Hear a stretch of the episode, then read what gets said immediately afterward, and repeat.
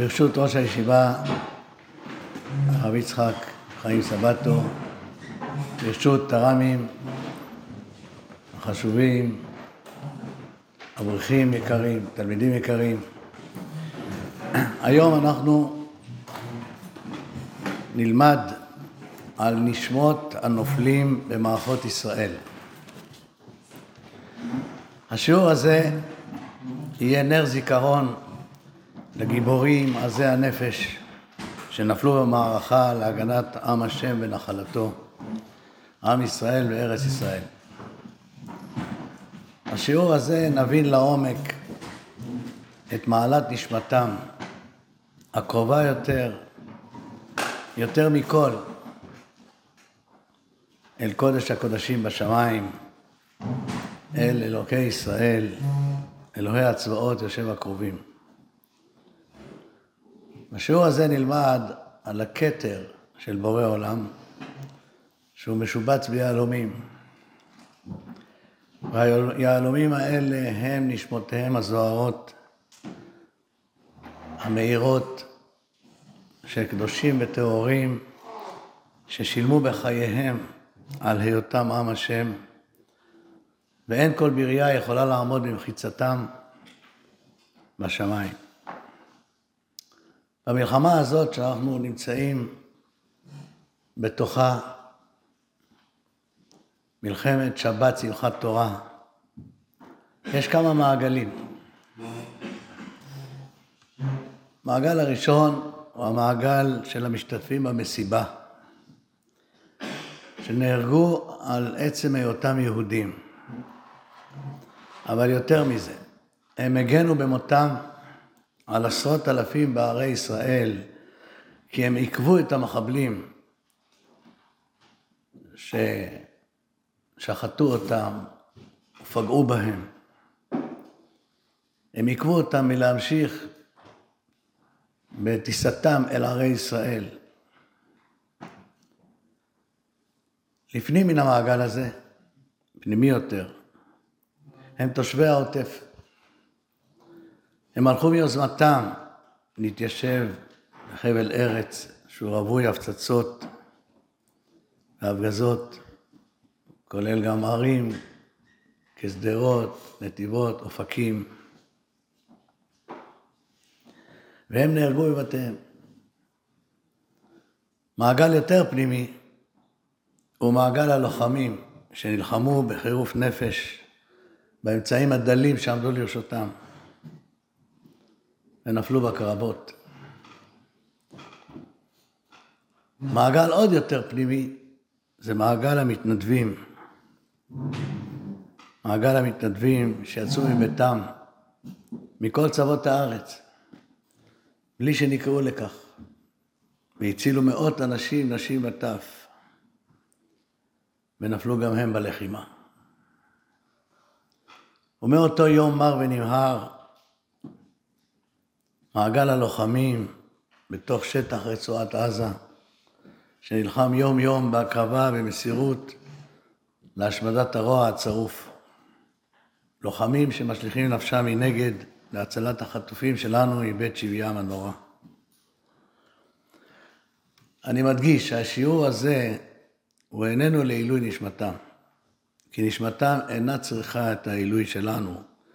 אדרבה, הם הנושאים והם המעלים אותנו אל מרומי מחיצתם הנשגבה.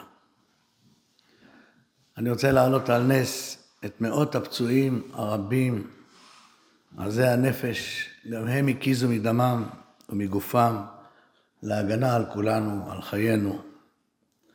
והם מתמודדים יום-יום, לאורך זמן, על שיקומם, וגם את אחינו החטופים, השבויים, שעוברים סבל בל יתואר. אסור לשכוח אפילו לרגע את הרעיות, את האבות, את האימהות, את האחים והאחיות, את היתומים הרכים. כולם גיבורים בעלי תעצומות נפש שנושאים את כאבם ויגונם בתוך תוכם. ולמרות זאת מוסיפים ומפיחים בנו רוח של אמונה, כוח עמידה, והם דוגמה חיה, אות ומופת לכולנו. נפתח בפסוק, נר השם נשמת אדם חופש כל חדרי בטן. מה פירוש נר השם? השם לא זקוק לנרות. אצלו אין חשיכה. אנחנו חיים בחושך.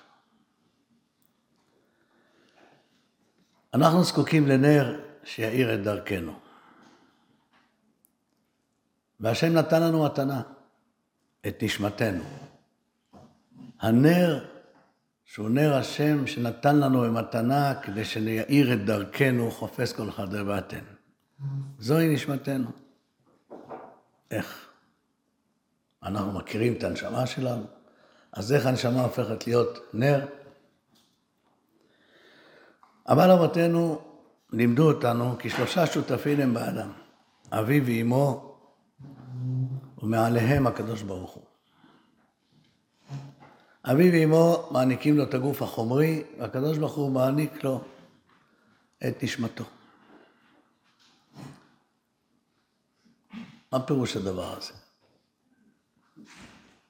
פירוש הדבר הזה, במילים אחרות הוא, שהקדוש ברוך הוא מעניק לאדם ונוטע בו ומטביע בו את שליחותו בעולם, את שאיפתו הכי עמוקה, הכי פנימית, שהיא נשמתו, וההורים מציידים אותו בכלים, באמצעים, בגוף, לביצוע השאיפה האלוקית שניטעה בו. ללא השאיפות האלו שהשם נטע בכל אחד, אז לא היה טעם בגוף, לא היה טעם באיברים, הכל היה נשאר דומם, רק רעיון מופשט. מצד שני, ללא הכלים האלו, אז השאיפה הייתה נשארת משהו ללא פתרון, ללא יישום. זה השותפות, זו השותפות. ברור שאם אנחנו שולחים שליחים לאיזשהו מקום, אנחנו צריכים לצייד אותם בכתב השליחות. לפני שמשה רבנו שלח את המרגלים, הוא אותה, צייד אותם בכתב שליחות. לאן הולכים, מה תפקידם. כל אדם שנולד, הוא נולד לתוך מציאות מוזרה, מפתיעה, חייב שיהיה מצויד בשאיפה שלשמה הוא נשלח לעולם. אחר כך נדבר, נשאל את השאלה איך מגלים אותה. והשאיפה הזאת קיבלה כלים דרך ההורים. ויש שלוש סוגי שאיפות שהקדוש ברוך הוא מצייד בהם את מי? את הזהות האישית של האדם. יש גוף, יש שאיפה שהיא הנשמה, ויש את הזהות האישית, שהיא מקבלת גם את זה וגם את זה. השאיפה הנמוכה שכל אחד מקבל זו שאיפה קיומית, זה אוטומטי. אדם מחפש לשרוד, נאחז בכל ענף, בכל עץ, שיציל את חייו. אדם אוכל, שותה, ישן, כל הצרכים הגופניים. אלו צרכים קיומיים, והם נקראים נפש. יש, שאיפ, יש שאיפות גבוהות יותר, שהן מיוחדות לאדם ומייחדות אותו מן הבהמה. מעבר לשאיפה הקיומית, יש את השאיפה היצירתית. יצירה, תנועה, זה נקרא רוח. ומעל זה יש את השאיפה הרוחנית. שאיפות למוסר, שאיפות לצדק ומשפט, שאיפות לחסד, לרחמים. השאיפה הזו מכונה נשמה. אז נפש, רוח ונשמה אלו שאיפות שהקדוש ברוך הוא מצייד בהם את האדם, וכך הוא בא לעולם. אלא ששתי השאיפות הראשונות הן אוטומטיות באדם. בבהמה, שאיפה קיומית. באדם, מעליה שאיפה יצירתית. ואדם שהוא במדרגה יותר גבוהה, או קבוצת אנשים בתוך העולם שהיא במדרגה יותר גבוהה, אז הם מקבלים גם שאיפות רוחניות גבוהות. שאיפות של צדק, שאיפות של מוסר. זו כבר לא אוטומטית. היא נמצאת אצלו בכוח, אבל לא בפועל. והוא צריך להוציא אותה מן הכוח אל הפועל. עם ישראל צויד בשאיפה הזו, שאיפה, שאיפה למוסר, שאיפה לצדק, שאיפה לרוחניות,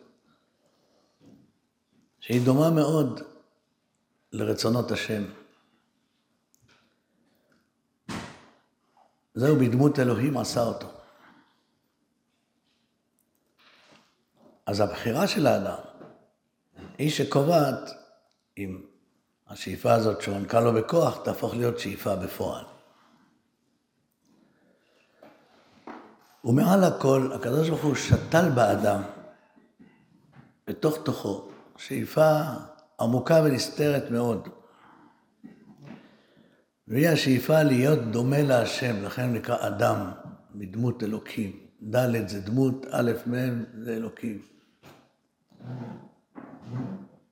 להידמות לו, ולהיות שותף איתו. כי הדמיון הזה פירושו להיות שותף, להשלים את החסר המכוון שהקדוש ברוך הוא יצר בבריאה. ועל ידי כך הוא יקבל שכר גבוה. נשוב אל הפסוק הזה, נר השם נשמת אדם חופש כל חדר בטן. והוא יתפרש כך. כשאדם מחפש את מטרתו בחיים, אז הוא מחפש נר להאיר את דרכו. אז הנר הזה כבר קיים, הוא לא צריך להמציא אותו. והשם העניק לו את הנר הזה, והוא נמצא בתוך תוכו, והיא נשמתו. זה עומק השאיפה שלו. אז איך נגיע אליה? כי יש רצונות אחרים שמכסים עליה. יש שאיפות אחרות שלא מאפשרות לשאיפה העמוקה הזאת לבוא לידי ביטוי. כן? השאיפה הקיומית והשאיפה היצירתית, הן מכסות על השאיפה המוסרית והרוחנית. איך אדם יגיע לשאיפה העמוקה הזאת? על ידי שהוא יתרחק משלושת המידות המגונות, שהן קנאה, תאווה וכבוד. המידות האלה מסיטות אותו מהשאיפה האמיתית שלו, מהשליחות האמיתית שלו. כי הקנאה מסיתה אותו להיות כמו מישהו אחר, התאווה משליטה עליו כוחות אחרים, והכבוד בוודאי משבש את שליחותו. ככל שנקטין, אני לא אומר להסיר, ככל שנקטין את הקנאה ואת התאווה והכבוד, כך נוכל להיחשף יותר ויותר לרצון האמיתי, לשאיפה האמיתית שנטועה בנו. והיא-היא שליחותנו המיוחדת. כל אחד יש DNA שונה מחברו. כעת תקשיבו טוב. אדם שמוסר את נפשו להגנת עמו וארצו, אדם מישראל. ברגעים האלו אין שום קנאה, אין תאווה, אין כבוד, אין כלום מהדברים האלה. והוא מוותר על כל רצונותיו האישיים לטובת הכלל, לטובת עם השם ונחלתו. ועכשיו נעבור אל קדושת הכתר. אנחנו רואים מקדושת הכתר נוסח הספרדים, כתר ייתנו לך השם אלוהינו מלאכים המוני מעלה עם עמך ישראל קבוצי מטה. כל מוסף אומרים את זה. מה הכתר הזה? מהו הכתר הזה? ממה הוא בנוי? מה המשמעות שאתה נותן כתר לקדוש ברוך הוא? אנחנו בונים כתר לקדוש ברוך הוא. אז במחשבה ראשונה, אנחנו חושבים שזה התפילין. תפילין של בורא עולם, הגמרא מחדשת שיש תפילין רוחניות, תכף נבין אותם מה הם. זה הפסוק, נשבע השם בימינו ובזרוע עוזו. והגמרא מסבירה, מסכת ברכות, נשבע השם בימינו, בימינו זו תורה, בזרוע עוזו אלו תפילין. זאת אומרת, ימין ושמאל, זה בעצם תורה ותפילין של הקדוש ברוך הוא. תורה זה אמת. ותפילין מה הם? התפילין של הקדוש ברוך הוא הם עם ישראל. והפסוק שמשלים את הרעיון הוא, את השם האמרת היום להיות לך לאלוהים, והשם האמירך היום להיות לו לעם סגולה. אנחנו, הקדוש ברוך הוא, הוא הכתר שלנו, אנחנו משתבחים בו. ואנחנו כתרו של הקדוש ברוך הוא, כשאנחנו עושים, הולכים מדרכיו, ואז אנחנו הכתר שלו, אנחנו התפילין שלו. אנו אומרים, שמע ישראל, השם אלוהינו, השם אחד, והוא אומר, ומי כעמך ישראל, גוי אחד בארץ, פסוק בדברי הימים, פרק י"ז. כל זה יפה, אבל זה לא מה שכתוב כאן. כתוב כאן, כתר יתנו לך השם אלוהינו מלאכים המוני מעלה, עם עמך ישראל קבוצי מטה. התפילין זה רק עם ישראל נותן. איפה פה המלאכים? מהו הכתר שנבנה באמצעות גם עם ישראל, אבל גם המלאכים, מלאכים בשמיים, מגישים יחד את הכתר. אז כדי להבין את זה, נעבור אל דברי הגמרא במסכת מנחות, לדף ק"י.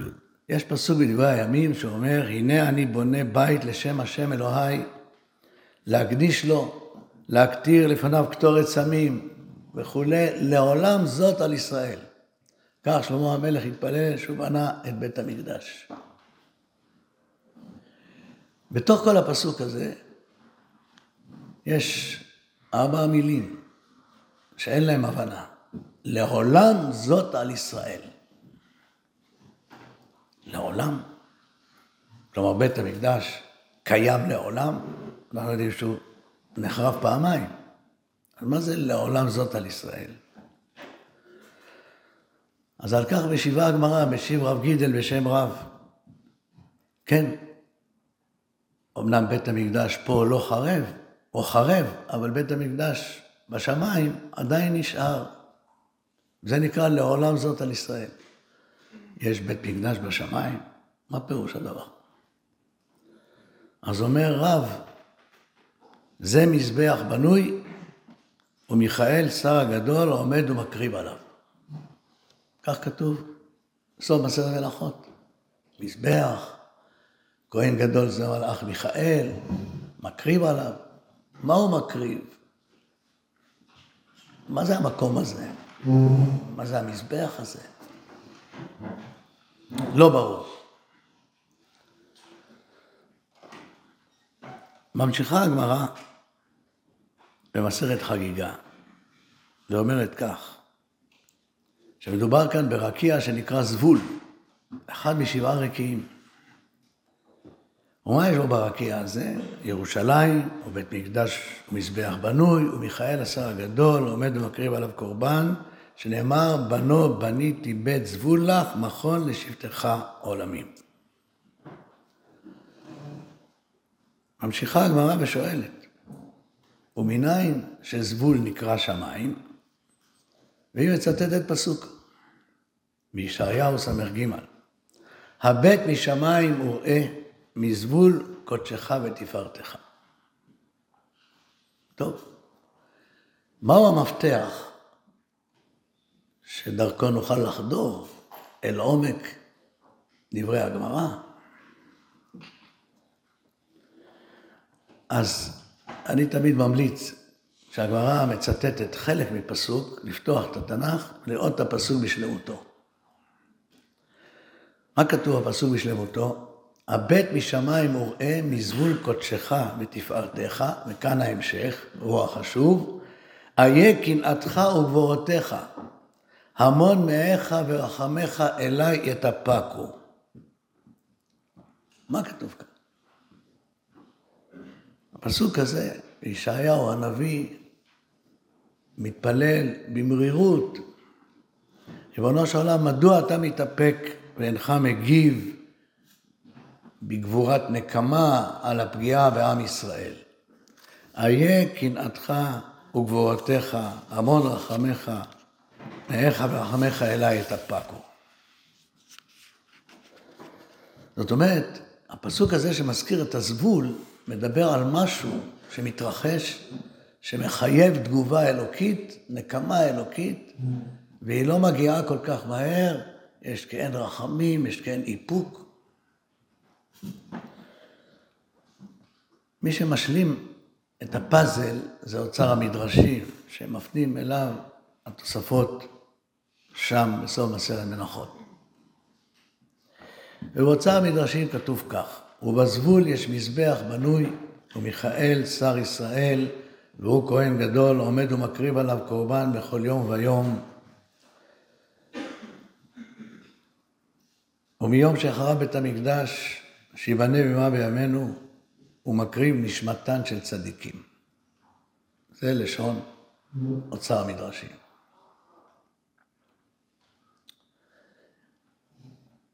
לא ברור באילו צדיקים מדובר כאן, נשמתן של צדיקים.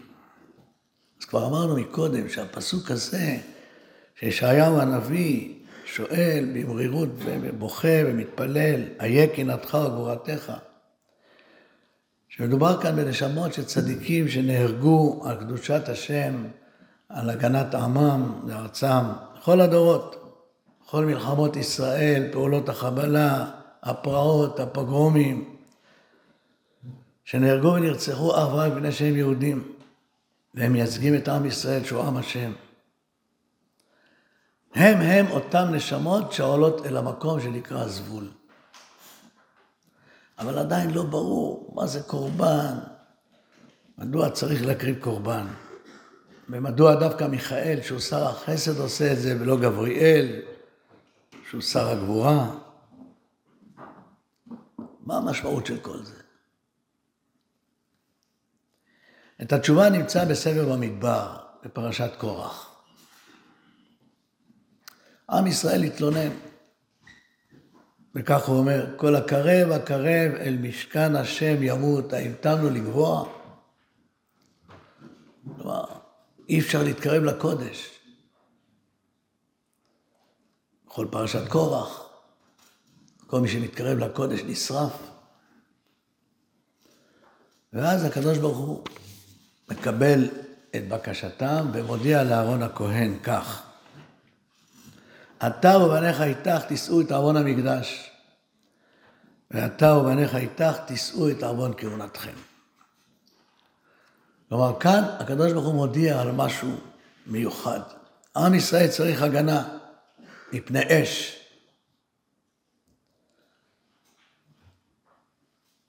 מי חומת ההגנה שתגן עליו? הלוויים הסובבים את המשכן. ומי מגן על הלוויים מפני האש? הכהנים, שהם נמצאים פנימה, במקום יותר מסוכן. וחומת ההגנה הראשונה זה הקורבן, הבהמה שהיא נשרפת להשם. כלומר, השרפה הזו מגינה על הכהנים, הכהנים מגינים על הלוויים, והלוויים על עם ישראל, יש פה חומות חומות של הגנה. אם הכהנים עושים טעות, כמו נדב ואביהו, הם נשרפים.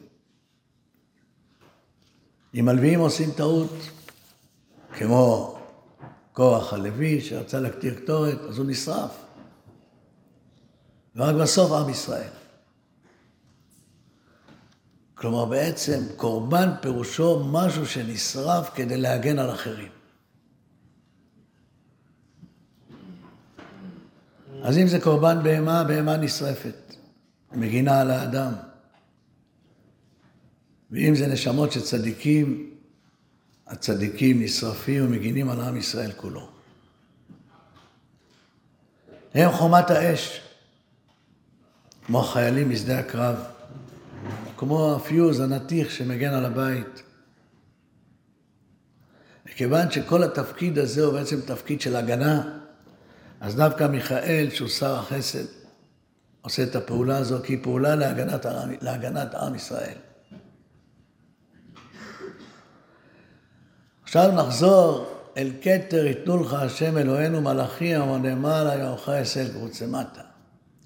הצירוף של מלאכים עם עם ישראל זה הצירוף של המלאך מיכאל עם נשמות הצדיקים.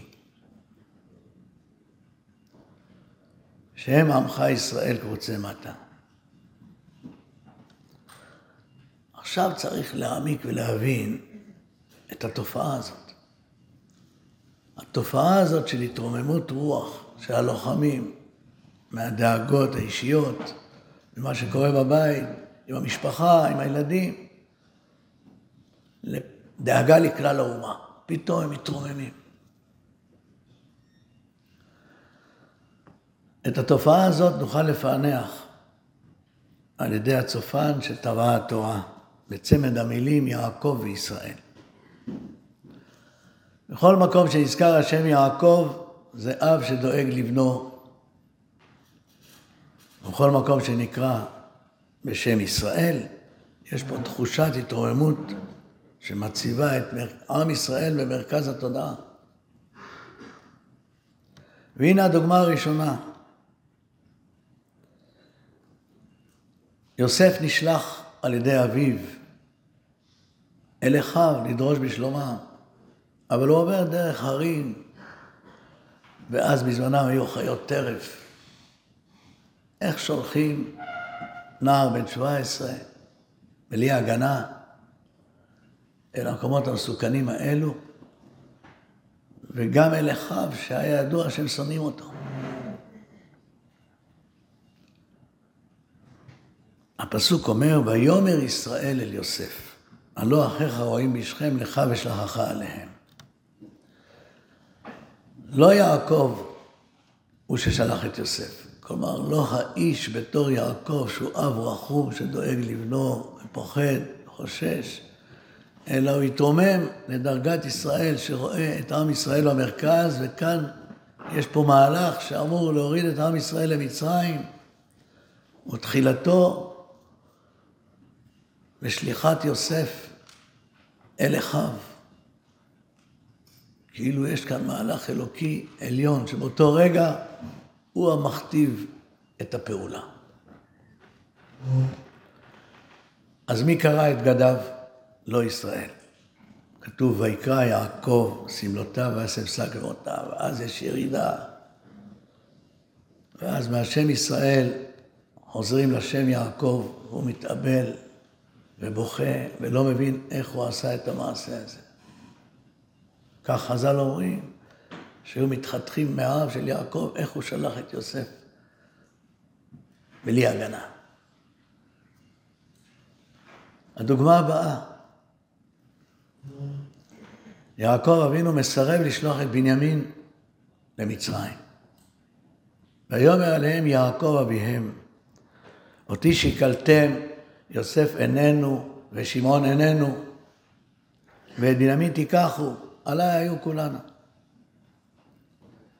ראובן מנסה לשכנע את אביו, הוא לא משתכנע, ואומר, ויאמר, לא ירד בני עמכם. סופית. אז מי שלח את בנימין למצרים? לא יעקב. הפסוק אומר, ויאמר עליהם ישראל אביהם, אם כן איפה זאת עשו, וכולי, ואת אחיכם קחו, ואל שדי ייתן לכם רחמים, לפני האיש ושילח לכם את אחיכם אחר ואת בנימין. כלומר, לפתע פתאום יעקב מתעלה לדרגת ישראל ורואה בעיני רוחו שגם הוא ישוב וגם אחיכם וגם האחר שנעלם, גם הוא ישוב. זה לא יעקב, זה דרגת ישראל. דרגת ישראל שבאיש יעקב. זאת אומרת, זה שהוא נקרא פעם יעקב, פעם ישראל, פירושו פעם הוא פועל כיעקב, ופעם הוא פועל כישראל. פעם הוא פועל כאיש הבודד, ופעם הוא פועל ברוח נבואית בשמו של עם ישראל.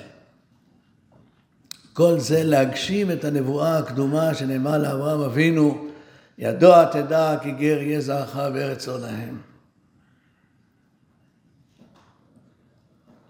הדוגמה הבאה, כאשר חזרו האחים ובישרו ליעקב אבינו עוד יוסף חי. ויעלו ממצרים ויבואו ארץ כנען אל יעקב אביהם ויגידו לו לאמור עוד יוסף חי. ותחי רוח יעקב אביהם. ואז מה קרה? ויאמר ישראל, רב עוד יוסף בני חי, ואחר כך וישא ישראל לכל אשר לו. כאשר חייתה רוח יעקב, הוא התעלה לשם ישראל. ואז ויאמר ישראל, פתאום הוא מדבר כנציגו של עם ישראל הגדול.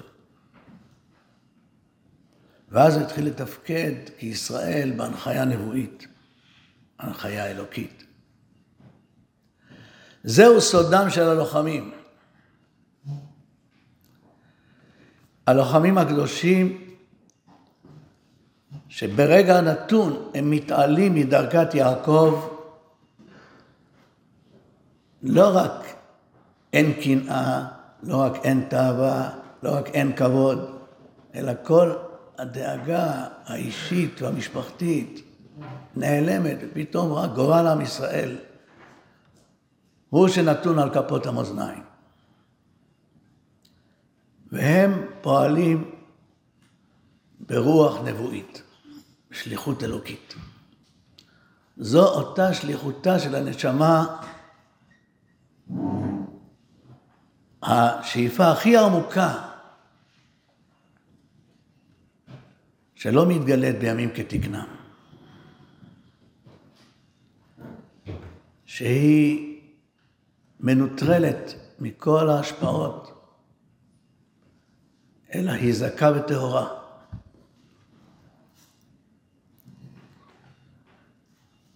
והרצון הפנימי הזה מתמזג עם עם ישראל. ועם ישראל מתמזג עם הרצון האלוקי. והרצון האלוקי הוא הכתר של בורא עולם. וכך אנחנו מתחילים להבין יותר ויותר מה זה כתר ייתנו לך השם אלוהינו? זאת אומרת, הרצון העמוק ביותר של בורא עולם זה לגאול את ישראל. ומה לעשות, אנחנו לא מושלמים. חלק גדול מהשאיפות האלוקיות שנטע בנו הולכים ומתבזבזים, אנחנו לא ממלאים אותם. ואז יש הסתר פנים, ואז יש התגברות של אש חיצונית, של אנטישמיות, של שנאת ישראל, שהולכת ומחלה בנו, ויכולה להשמיד את כל העם. אבל הקדוש ברוך הוא הכין מבעוד מועד את אותם יהלומים אותן נשמות, אותן שאיפות פוטנצ... שהן פוטנציאליות, שהן בכוח, שהוא נטע אותן בקרב אנשים ובקרב משפחות מובחרות, שהוא בוחר אותם אחד-אחד. כי אלו נשמות שהולכות מתוך ידיעה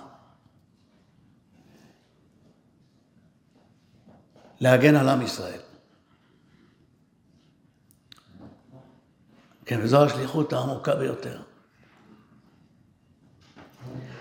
יושבים ראשונה במלכות השם, והם אמורים להגן מפני האש הגדולה שמקיפה אותנו מכל הצדדים.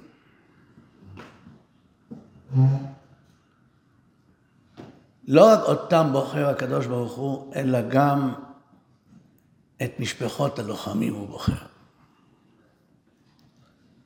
הוא יודע, הוא מכיר את העוז הפנימי שלהם, של הרעיות, של האבות והאימהות, של הילדים, של האחים והאחיות. הוא מכיר את כוחות הצמיחה שלהם. הוא מכיר את היכולת שלהם להקרין עוז ותעצומות על כל עם ישראל.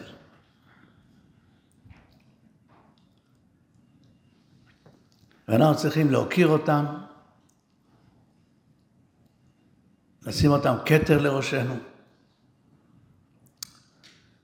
כי הם באמת שייכים לעולם הכתר.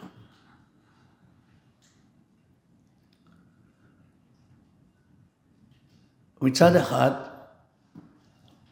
יש עצב גדול.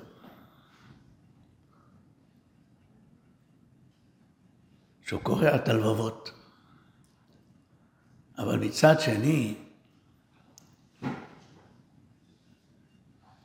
הם נופלים מתוך גבורה, מתוך מלחמה, מתוך התעלות,